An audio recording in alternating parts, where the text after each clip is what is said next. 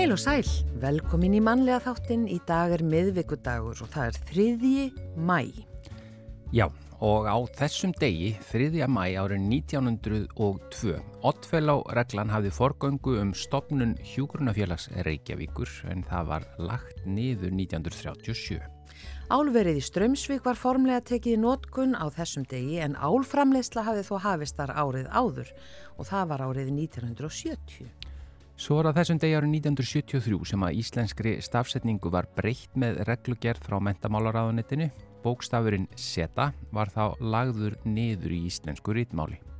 1986 Ísland tók þátt í Eurovision í fyrsta skipti með læginu Gleðibankin sem hljómsveitin Æsi flutti og eh, við náðum nú ekki e, sigur sætunu þó við höfum öll haldið að þá en Sandra Kim sigraði keppnina fyrir hönd Belgíu með læginu Shemela Ví. Já, þessi tilfinning, ég, bara, ég hef sagt þetta með þessi áðurina, þegar ég bara, að ég var svo vissum um að vinna þegar við fengum ekki tólstíg frá fyrsta landinu sem gaf bara, ha, þetta er einhver mistök nema svo var það vist enduð í 16. sæti já, já. Eh, síðasti þáttu sjónvarsraðarinnar eh, Dallas var sendur út á þessum degi árið 1991 Og að efni þáttarins í dag, bókin Hamingju Gildran kom út fyrir nokkrum dögum í íslenskri þýðingu. Hún heitir á ennsku Happiness Trap og sálfræðingurinn Hugrún Sigurjónsdóttir þitti og hefur sjálf notað þessar aðferðir e, bókarinnar í meðferðavinnu með skjólstæðingum með góðum árangri. Í þessari bók sem er meðsölu bók um allan heim er að finna einföld og gagnuleg ráð til að takast á við erfiðar hugsanir og tilfinningar og einni er leita svara við þeirri grundvallar spurningu af hverju það sé svona erfitt að vera hamingjusamur og hvers vegna hamingjan geti ekki verið varanlegt ástand. Hugrun kemur hinga til okkar á eftir. Já, svo er að spurning, hvað er að vera Íslendingur? Eh, þeirri spurningu var reynd að svara á fræðislufundi sem Íslensk erðagreining stóð fyrir eh, um helgina. Fjórir fyrirlesarar veltu fyrir sér þessari spurningu út frá erðum og nýjustu rannsóknum á uppbruna Íslendinga. Eh, stangast hugmyndir þjóðarinnar um uppbruna sinn eftir vill ávið uppgötanir á sviði mann erðafræði og einni var til dæmis því velt upp hvenar fólk verði Íslendingar ef þá rætur uh, úr öðrum samfélögum. Tveir þeirra sem heldur verindi, Agnar Helgason, mann erðafræðingur og Kári Stefánsson, forstjóri í Íslenskrar erðagreiningar, þeir ætla að koma í þáttin og hjálpa okkur aðeins að svara þessum spurningum og velta þessu fyrir okkur. Svo ætlum við að kynast meistaranámi í listum og velferð hjá listaháskólanum og þar verður leitt saman fagfólk innan lista og velferðageirans sem hafa áhuga á að þróa leiðir til að nýta listir í þá félags- og heilsueflingar. Og hún kemur hinga Kristín Valstóttir, deildarstjóri listkjænslu deildar LHI og segir okkur nána frá. Já, við ætlum að byrja auðvitað tónlist eins og alltaf þetta er Erla Stefánsdóttir og lægið eh, við Arin Eld. Já, eftir Magnús Eiríksson og Kristján frá Djúbalæk á ljóðið.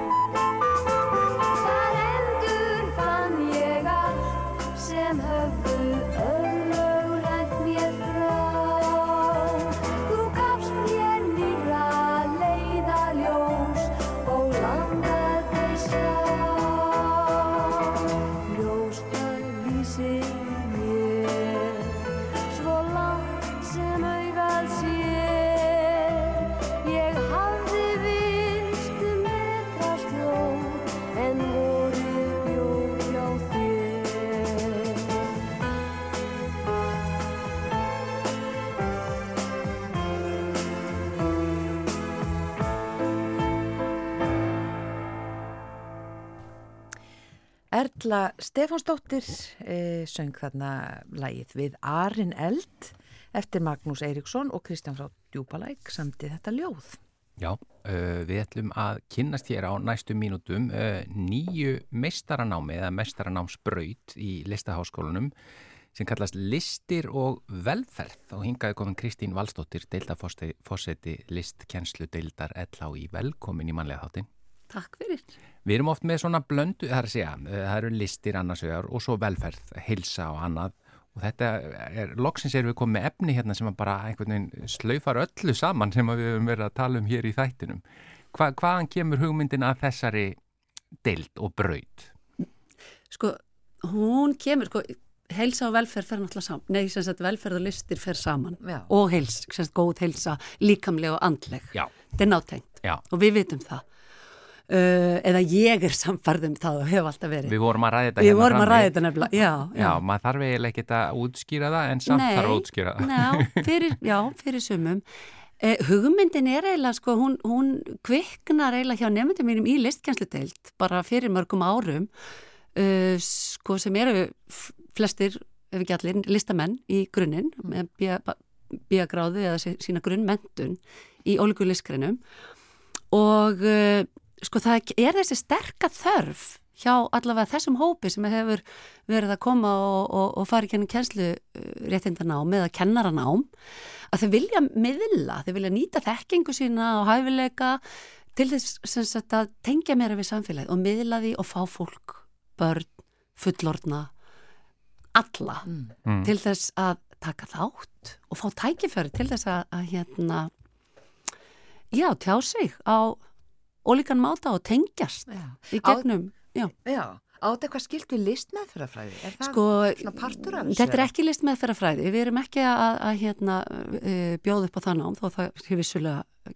geti verið spennandi og verður kannski ekkert tíma til í framtíðinni uh, þetta er samt sem áður við byggðum þessa námsbraut, eins og ég segi, hugmyndin er nokkur ára gömul og svo fer hún að formast, svona, taka á sig eitthvað skona form og uh, 2018 fengum við, ég semst, uh, 2016 fyrir við svona að sapna hugsalegum samstarfsæðalum og þróa hugmynd og sækjum styrk til eh, Rannís, til Erasmus Plus og fengum veglegan styrk 2018 og þá erum við komið með samstarfsæðala sem meðal annars eru uh, úr uh, listterapíu í Breitlandi og Þískalandi og unnur óttastóttir listterapisti, hún var í stýri hópnum á samt Haldur Arnardóttur og mér Haldur Arn, uh, Halldóra er listfræðingur og hefur stýrt mörgum svona verkefnum sem að tengt unni með listir og söfn og allt samir en, en sko þetta tengist óbeint af því við höfum líka til dæmis inn í listkjænsludeild verið að unnur hefur verið með uh, námskeið þar sem að við erum að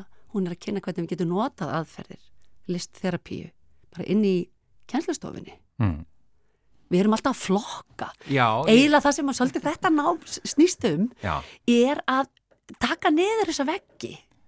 Þetta Við- er opið fyrir sko alla, fólk úr öllum leyskrænum og öðrum greinum já. sem vil starfa út í samfélaginu við að ebla uh, ég hvað ég segja já, uh, bjóða upp á uh, vettvang námskeið hvað sem er, það sem, að, sem, sagt, sem flestir geti notið þess að skapa Mhm. og vera saman. Og við vorum að ræða þetta bara líka hérna fram með það, hvernig maður einhvern veginn mælir eh, virði lista eh, veist, og, og áhrif lista.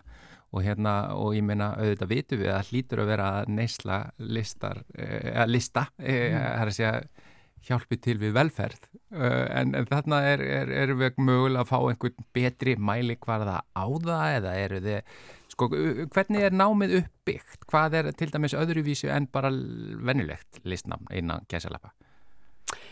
Sko við náttúrulega, sko þetta er meistaranám þannig að þú kemur inn með eitthvað bakgrunn. Uh, og uh, og það er ekki verið að fókusera á einstaklingin ef ég væri að fara í meistaranám í listgrein ef ég væri að fara í meistaranám í ég veit ekki, myndlist, leiklist, tónlist þá er sko er meiri fókus á einstaklingin hvernig, hvernig hann er að þróa sínar aðferðir eða sína tækni og sína sköpun skilur, hvernig, hvernig þróa ég mína list áfram sem einstaklingur? Já, auðvitað er það sko þetta er einstaklingsbundi, talandi um einstaklinga en þá er þetta líka oft tengt samfélagin en þarna er við meira fókusera jú á hvernig ég sem einstaklingur get uh, þroskað hæfileika mína og nýtt þekkingu til þess að leiða verkefni. Og þá þarf ég að þekkja vettvangin, það eru námski sem að snúa bara líka að, að bara uh, að, aðferðum listerapíu sem ég nefndi áður um inngildingu, kenningar. Þetta eru líka námski sem að, sem að snú, snúast um það hvernig þekki ég sjálfan mig. Það er svona við köllum þetta eða hún Guðbjörg Jóhannesdóttir heimsbyggingur sem hefur verið að kenna í deildinni uh, hún er að þróa svona aðferð sem hún kalla líkamlega kakrínu hugsun. Hún er í, í saminu við Háskóla Íslands og marga Háskóla Erlendis. Og sem að snýst svolítið um hvernig hlusta ég á mína innri rött við hugsaum ekki bara með heilanum við hugsaum með líkamannum, við getum skinnjað og hugsað. Og þannig að þú ert raunverulega svolítið að læra ekki að hlusta á þig í samhenginu hvernig get ég búið til mína eða skapa þróast sem einstaklingur sem listamæður heldur hvernig þroska ég mig til þess að uh, sé, nýta þekkingu mína í starra sam, samengi, að tengja listinnar einhvern veginn í víðara samengi. Mm. Samfélagslegu samengi jafnvel eða? Já, af því það eiga allir, þetta sko listir að njóta lista, hvort sem er að njóta viðburða eða, eða skapa sjálfur. Mm. Þetta er ekki, eiga aldrei að vera forréttindi, af því þetta er bara partra grunn mennskun okkar, Já. finnst mér. Og, hva, og, og við verðum einhvern veginn að fara, veginn að, já. Já, þannig að þarna svona með þessu, sagt, þá er svona kannski verið að kvetja til, já hvað ég segja, samfélagslegar þáttöku, borgaralegar þáttöku eða eitthvað slíkt, að koma henni sem víðast inn í líf okkar. Já, í, sko raunverulega, mér það bara ábyrð okkar, svolítið, svolítið borgaraleg hérna, ábyrð, mm. að við séum ekki hérna Uh, já, að við holfum okkur ekki eins og ég sagði á þann ég, ég er hérna listamæður sem er bara að sinna mínu og því, það er, þetta er að breytast ef það breyst alveg rosalega mikið og ég er kannski ég er að búa til svona ykt dæmi þegar ég segi þetta. En, en eh, við, við okkur ber svolítil skilda til finnst mér að uh, opna fleiri hólf, opna, búa til tækifæri. Já Þetta er vel orða hérna líka bara inn á ell á í síðunni hérna bara að nýta listir í þáu félags og hilsu eblingar, fjölga snertiflutum listana, listana við samfélagi. Akkurat, akkurat. Hérna hvað er þetta langt nám? Þetta er tveggjára eða ekki? E, jú, þetta er tveggjára nám, þetta er 120 einingar, það er bara svona skilgreint tveggjára mestara nám. Og einhver uh, intöku skilir þið? Í, það er bíagráða og við vorum óslulega mikið að fókusera fyrst sko, á listamenn og, og fólki í helbyrðisgeiranum sem hefði listbakgrunn eða uh, en uh, niðurstaðan eiginlega er svo að við viljum hafa þetta sem opnast. Það eru mjög margir sem að hafa eitthvað bakgrunn og þekkingu í listum og starfa innan sko, þess að breyða svið sem við getum kallað svona eitthvað svona velferðarsvið mm -hmm. sem að, að hérna við trúum á mm. að þetta nám geti nýst til þess að nýta sig enn betur í, í sínum störfum. Já. Þannig að allir sem að uppfylla það að, að, að hafa uh, bíagráðu og áhuga og þekkingu eða tölverð þekkingu á listum. Þeir ætti að sækjum. Þeir ætti að sækjum þau, og þeir, já. þau að sjálfsögðu og, uh, og það er þá uh, loka ákvörðin, þetta, það fer allir í viðtal sem að standast þessar svona eintöku kröfur sem settar eru. Kristín Valstóttir, deildafórseti listkjænslu deildar LHI. Takk fyrir að koma og segja okkur frá þessari nýju, þessu nýja mestaranámi, listir og velferð hjá LHI. Takk fyrir mig.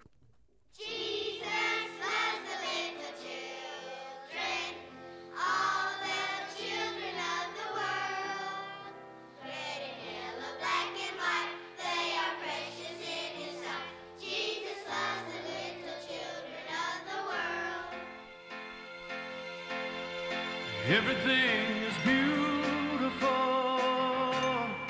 in its own way. Like a starry summer night or a snow-covered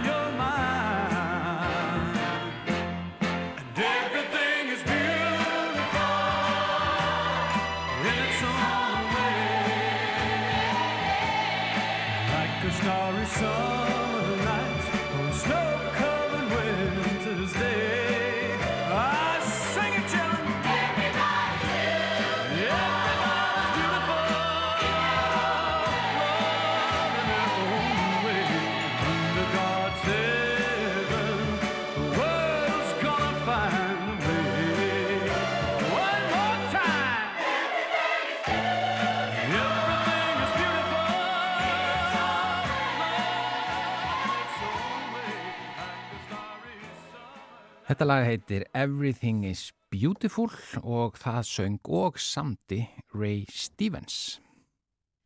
Bókin Hamingjugildran kom út fyrir nokkrum dögum í íslenskri þýðingu. Hún heitir á ennsku Happiness Trap og sálfræðingurinn Hugrún Sigurjónsdóttir þýtti og hefur sjálf notað aðferði bókarinnar í meðferðavinnu með skjólstæðingum með góðum árangri. Og uh, Hugrún, hún er komin hinga til okkar, velkomin. Takk. Í bókinni er notuð eða er svona verið að tala um þessa meðferðastefnu ACT. Já, Þannig að þessi fræði eru svona daldi byggð á þeim fræðum. Eh, getur útskýrt hvað ACT er? já. E, við köllum þetta akt og ég ákvað það í íslensku bókinni að nota þessa skamstöfun akt sem þýðir, sést, er skamstöfunin á Acceptance and Commitment Therapy sem að væri á, sáttar og atverðlis meðferð á íslensku ef við notum aktið því að það segir svo margt. Mm. Já, einmitt, hvernig segir það? Aktið er í rauninni, sko í grunninn er akt atferðlis meðferð. Þannig að þetta snýst svolítið um það hvað þú ert að gera. Ekki endalega hvað þú ert að hugsa eða hvernig þið líður þó að svo ég sjálfsögðu komið inn á það og það, eru, það er farið í aðferðir sem að þú getur nota til þess að, að hérna, láta það líða betur. En þetta snýst um þetta er í, í grunninn er þetta atferðlis meðferð sem þýðir það að við breytum líðan okkar með því að gera ákveðna hluti. Já, gera þá bara í praxis? Já, bara. gera hluti sem að gefur okkur gleði og þetta snýst og bara í mínum að því að þú spurði sko í minni, minni vinnu, að í minni vinnu er ég að nota þetta. Og ég spyr oft fólk hver eru markmiðin, nú er ég að vinna á Reykjalundi þar sem að fólk er með alls konar sjúkdóma og annað sem það vil vinna í og sjálfsögur líka andli markmið. Og þá spyr ég oft hver eru markmiðin þín? Og ég meina fyrir auðvitað þetta venjulega að, að auka styrk og þól og, og, og geta lappa lengra og að þess að mæðast og allt þetta að þá segir fólk, þá er fólk oft með svona þessar svona, ég með langar bara til þess að láta mig líða betur. Og mér langar bara að ég væri til að vera hamingjusamari og, og þá spyr ég og hvað værir þá að gera? Vegna þess að við erum oft í þessum markmiðum sem eru svona sem snúa að líðan. Í staðin fyrir að vera markmiðið já, þú veist, og hvað verður að gera þið liðið betur? Og þá kemur þetta já, ég væri, ég væri meira með börnunum mínum eða barnabörnunum mínum, ég væri duglir að hreyfa mig, ég væri eh, ekki búin að fresta því að eh, hitta saumaklúpin minn í þrjú ár og eitthvað svona, þannig að oft þarf fólk að, að útlista nánar hvaða er sem er að gefa því gleði. Akkurat og þessi titill, Hamingju Gildran, eh, svona hvernig skýruru hann? Hamingju Gildran er sem sagt og alveg fyrsti, bókin skiptist í þrjá hluta og fyrsti hlutin er eh, sko í miklu uppaldi hjá mér vegna þess að þar er farið í það hvernig höfuð það okkur þróaðist og hvernig heilin er í rauninni e, gerður til þess að verja okkur við hættum. Því að því að við erum göngum hér um jörðuna fyrir ár þúsundum síðan, þá þurftu við virkilega að passa okkur.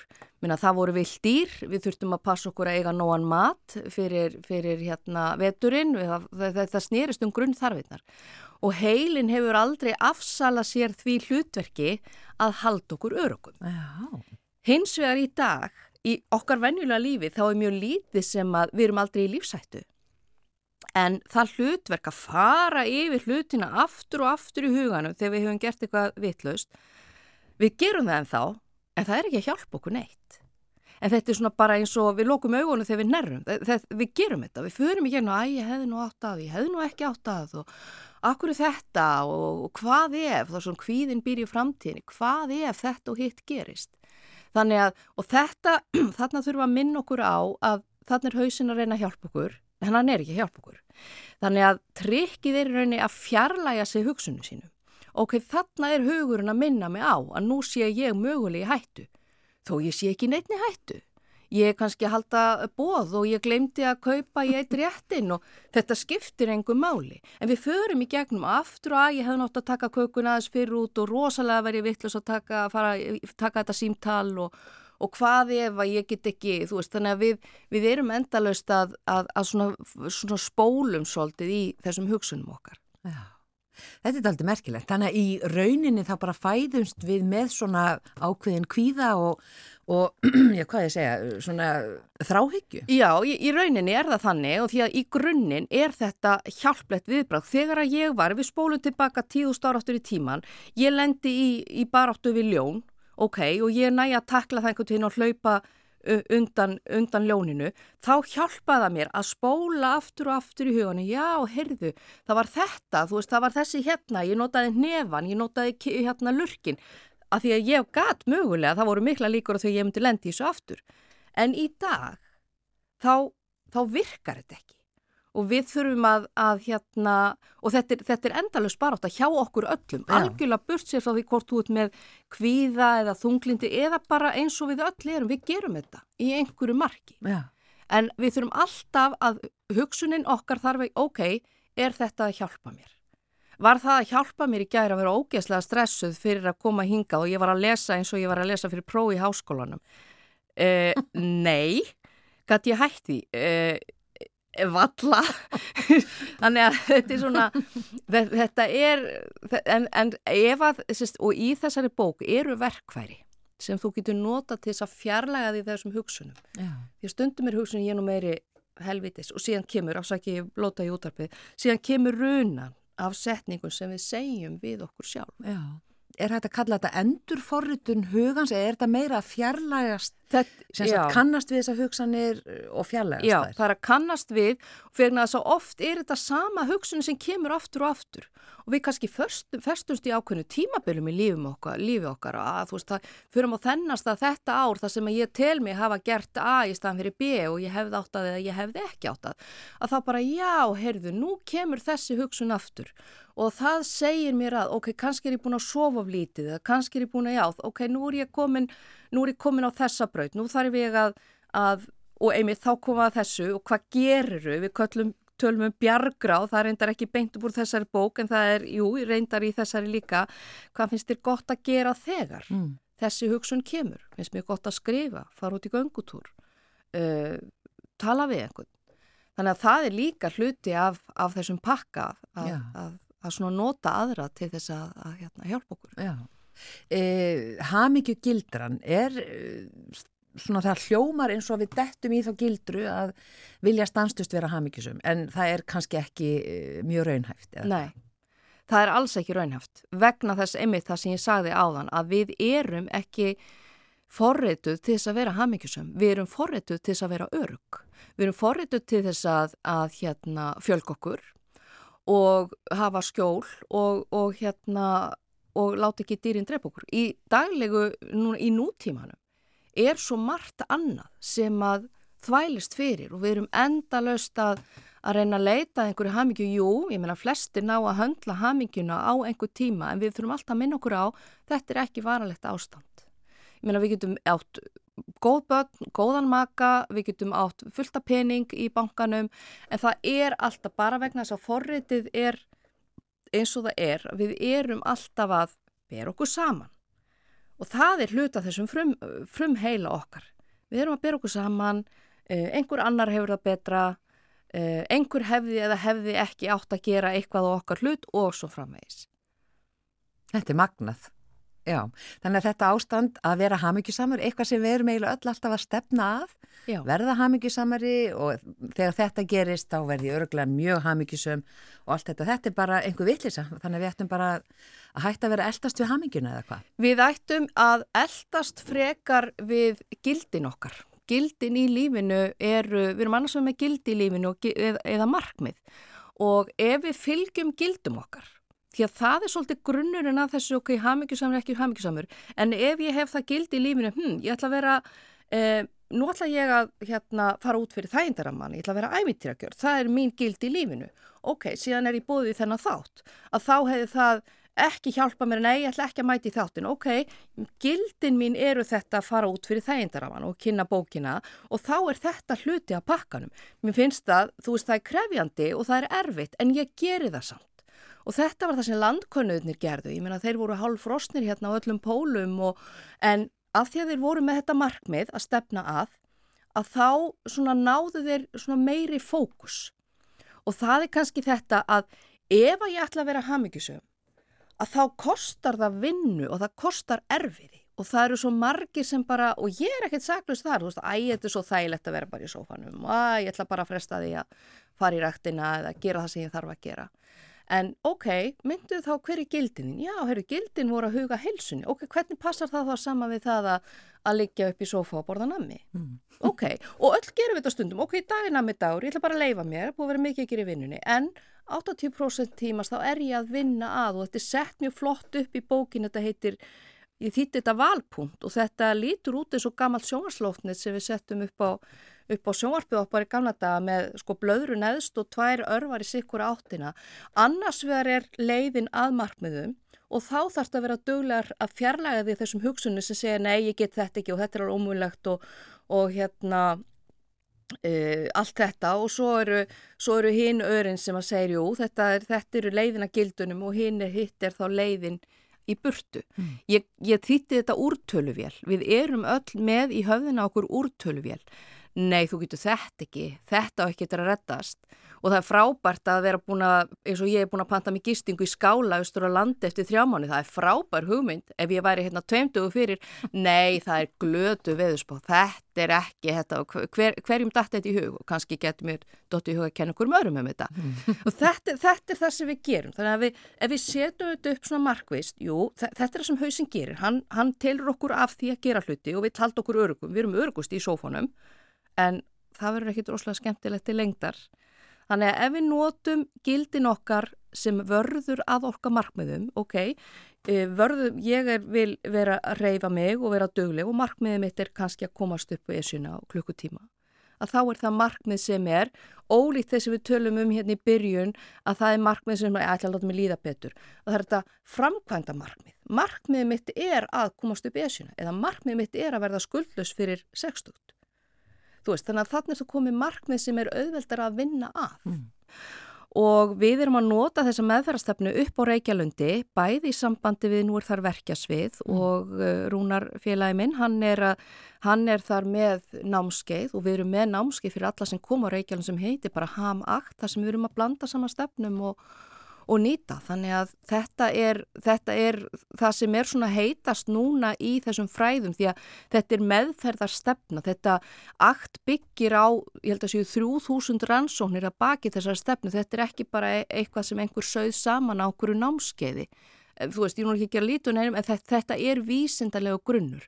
Þannig að við getum sagt rannsóknir sína að þeir sem að vinna verkefnin sín og vinna sangvað þessari nálgun, þeir eru líkleri til þess að ná árangri, þeir sem eru að glímast við, glíma við kvíða, þunglindi, fíkn, áföll og, og allt mögulegt, eða bara venjuleg, venjulegi leikmenn eins og ég og þú sem eru bara að díla við hausin okkar sem eru að segja okkur alls konar hluti sem við vitum að er ekki hjálplegir.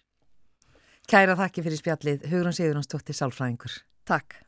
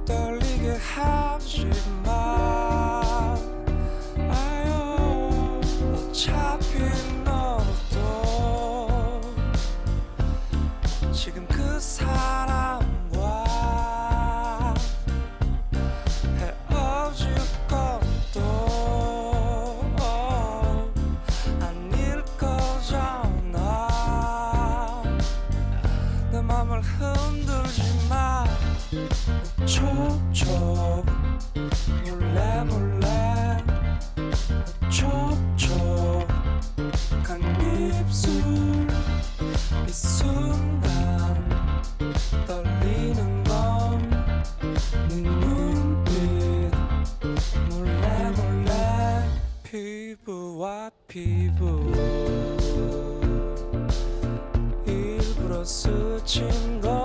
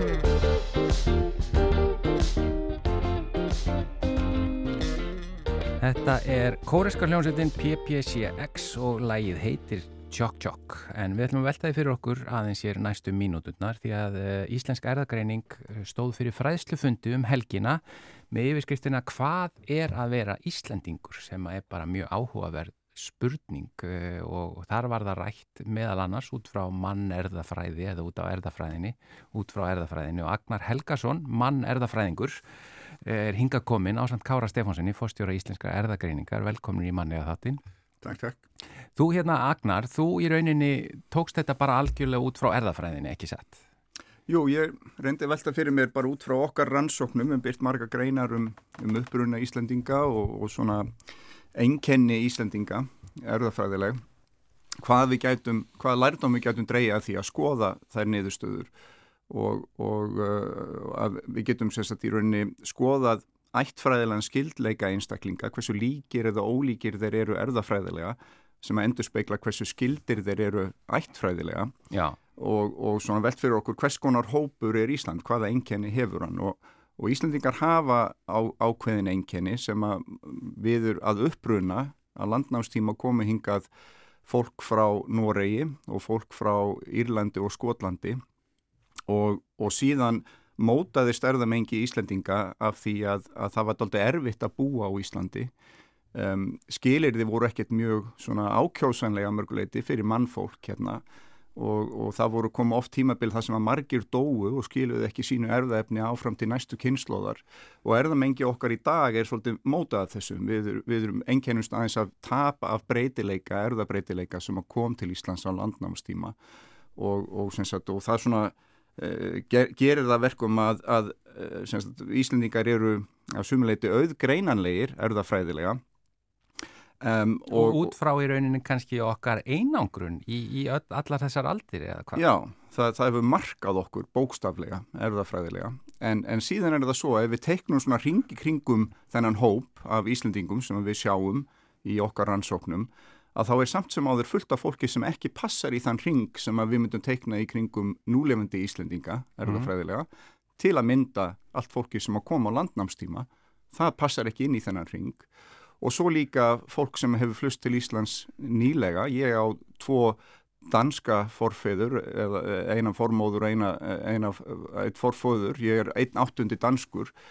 Þeir einstaklingar passa ekki inn í þennan ring en eru óneitanlega samt Íslendingar fluttu til Íslands, tóku þáttu íslensku samfélagi, egnuðust afkvæmi og blönduðust þeim hópi sem var þá til staðar á Íslandi.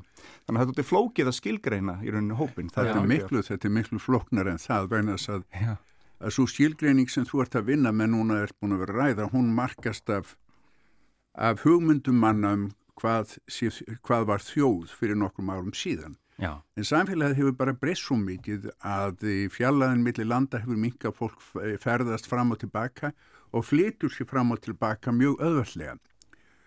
Og e, jú, það er, það er svona svolítil kjarni í þessari þjóð sem að rættu sín er að rétja í því fólki sem þraukaði hér í 1100 ár, fólki sem mótaðist af þessu landi, af þessum harðbíla land okkar, en nú er bara svo fullt af öðru fólki sem við, við lítum svo á að séu Íslandingar, fólk sem kom hingað í fyrstu kynsluðar er, er, fyrstu kynsluðar fólk sem að hvers foreldra fluttu hingað. Við erum með stóran hóp af fólki af pólskum uppruna sem eru svo sannhalið Íslandingar og til dæmis að upp, uppahalds Íslandingur minn í dag er Pavel sem að, að er þjálfari tindastóls á Söðokróti. Það er fólk sem er, er farið að, að hafa meiri háttar áhrif á Íslands samfélag. Fyrir vitið erum við betra samfélag, erum betri þjóð, við erum, erum passum betur inn í, inn í, í þann heim sem við búum í. Heim sem að hefur eftir eins háa vekki millir þjóða, millir landa og svo framvegis. Og ég held að við endum á því að, að þurfa að stílgreina Íslendingin sem þann sem stílgreinir sér sjálfur sem Íslending. Ég held Já. að það sé valla til önnu stílgreining sem að, að heldur vatni. Mm -hmm. Það er bara sá sem að gerir það sjálfur, stílgreinir sér. Sá sem lítur á sig sem Íslending og ég vona eitt og innilega að Pavel líti á sig sem Íslending. þetta er líka bara, þetta er mjög áhugaverð og huglæg spurning. Hvað er það að vera Íslendingur? Því að það er hægt að svara því út frá erðafræðinni. Sko bara einn ein áhugaverð spurning út frá því með erðafræðina þessi einangrun, það er að segja, að því að við blöndumst ekki meira en, en, en uh, kemur, uh, kemur í ljós, sko, hva, hvaða áhrif hefur það á okkar erðamengi? Uh, miða við aðrar þjóði það sem er meiri blöndun. Já, það, það gerði þjóðina örlíti einsleitari að því að, að, því að það, á landnámstíma þá flutti fullt af fólki til Íslands, kannski svona 8.000 manns eða eitthvað sluðis. já, Síðan, og, og það var, við skulum segja, mjög svona skipulagður lagður atbyrður, ég menna það, það, það var mjög flóki mál, hugsa ég, á þessum tíma að koma svona mörgum einstaklingum allarleið til Íslands. En eftir það, þá komu bara mjög fáir til Íslands og það var ekki margt að sækja. Ég menna, það, fólk, fólk, það var ekki, þetta var ekki sérstaklega ákjásanlegu staður, þannig að, að það var ekki mikil, sko, uh, það kom ekki bót á því erðefni sem að tapaðist í hverju kynnslóð hjá, á Íslandi. Það Hvað kom fólk að til það tapist efna, erðaefni? Já, ef þú ímynda bara fólki sem að koma á landnámstíma, það voru ekki öll sem eignuðs börn. Já, Þannig að þeir, erðaefni þeirra sem ekki eignuðs börn skila sér ekki til næstu kynnslóðar. Svo í þeirri kynnslóð þá eignuðst einhverju börn en einhverju eignuðst ekki börn.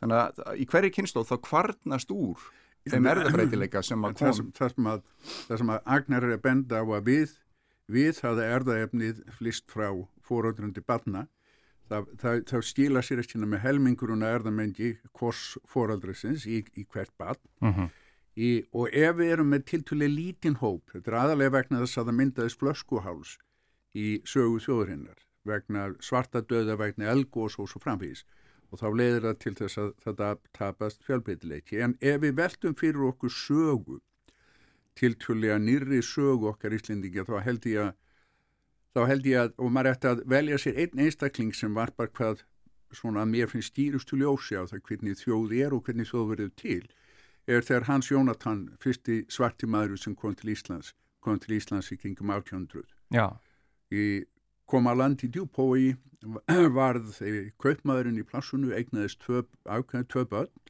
en nú á hann yfir 800 af, afkomendur í íslensku samfélagi og þeir, þeir eru allir svo sannhallega Íslendingar. Og hann var og, Íslandíkur. og, og vegna þess að hann var Íslendingur. Já, og hann stildi, dreifði sínu erðamengi út um allt Íslands samfélag Guðis og og það er mörguleiti falli sagafinnes að, að það er dæmið það hvernig það, mér finnst að sína okkur fram á að, að, að rasismin eða kynþáttar hatrið er okkur ekki eiginlegt í sjálfum sér. Þannig kemur inn í lítið fátækt íslensk sjávarþorp og er te- tekið opnum örmum En hann er mitt frábært dæmi, hann er klárlega Íslandingur. Hann kemur til Íslands, hann sest að á Íslandi og eignast börn á Íslandi og er þáttakandi í íslensku samfélagi. Það er skilgarning á Íslandingi. Já. og þú uh, sagðir að í fyrirlesturinn þínu Magnar að skilja eftir erðaefni þú mæltir þá helst ekki móð, eða það er að segja, þú mæltir ekki með því að fólk leti brenna sig því að þá skilur maður ekkit eftir sig. Já, það er þannig við höfum verið verið að rannsaka hérna, líkamsleifar, þar sé við einangrum erðaefni úr, þegar við grei- greinum erðaefni úr landnámsfólki, þá fáum við síni frá þjóðminnesafninu, það er yfirleitt tönn og í tönninni er erðaefnið er doldi svona uh, seg samind, hún endist doldi lengi og hún er vel varin í tönnum og, og, og við getum nálgast erðaefni landnámsmanna í gegnum tennurnar en ef að fólk lætur brenna sig þá eru engar tennur fyrir framtíðina sko. að Ég, eini þátturinn í, í, í þessari sko yfirlýsingu uh, agnar sem ég er sammálunum með er að fólk á láta brenna sér lífandi en, en ég held að Já, þessi já. að, að sé vissuleiti mjög mikilvægt að, að ákveðin hundrasluti þjóðurinn er þú del láti brenna sér þannig að þetta verði ekki fullist ekki allt upp á leðlum líkum. Þetta land okkar. Já, Nei, en, en fólk getur þá verið einhvers konar heimild fyrir framtíðina með því að láta grafa sig. Þannig að ég, ég er mikið talsmaður þess að fólk láti grafa sig en ekki brenna sig bara fyrir mannfræðinga framtíðirinnar Já, þannig að það er, ég menna, þetta er þessi spurning, hvað er það að vera Íslendingur? Mm. Það, þetta er ágætið svar, þú, eh, allir bara þeir sem skilgreina sig sem Íslendinga, því nú eru, ég, ég held að það sé eina stílgrindin sem heldur vatni. Já, og þú bendir á að agna líka í, í fyrirlæsturinn um að í rauninni það var bara ekkit mikið að gerast hér, ekkit mikið kannski að sækja hingað fyrir uh, fólk frá öðrum stöðum. Á meðan uh, í Skandinavíu var mikið í gangi og mikið velsælt og fólk sækir það sem er hagsælt og tækifæri. Já, ég menn ég held að mannkinn saga sínir okkur það að þar sem að velgengur að það, það eru staðir sem að laða að sér fólk. Og, og það að laða að sér fólk og það er fólk sem að kemur þá og tekur þátt í samfélaginu og blandast við þann hóp sem að það sem að velgengur Þannig að blöndun er í rauninni einhvers konar sjálfsögð afleiðing af því að það gangi vel hjá þér og, og það gekk ekki svo vel hjá okkur á 17. og 18. öld og það var ekkit mikið af fólki sem voru komið til Íslands. Já. En nú gengur tiltúlega vel hjá okkur nú og það er margt fólk sem vil koma til Íslands og það er bara, svona er mannkynnsagan, svona, svona gengur þetta fyrir sig og það er ekkit óeðilegt, það er bara mjög eðilegt. Mjög áhugavert, ég bara þakka ykkur innlega fyrir að koma í manlega þáttinu og fara aðeins með okkur yfir þetta uh, og, og uh, Agnar Helgarsson, mann erðafræðingur og Kári Stefánsson, fórstjóri íslenskar erðagreiningar. Takk fyrir komuna.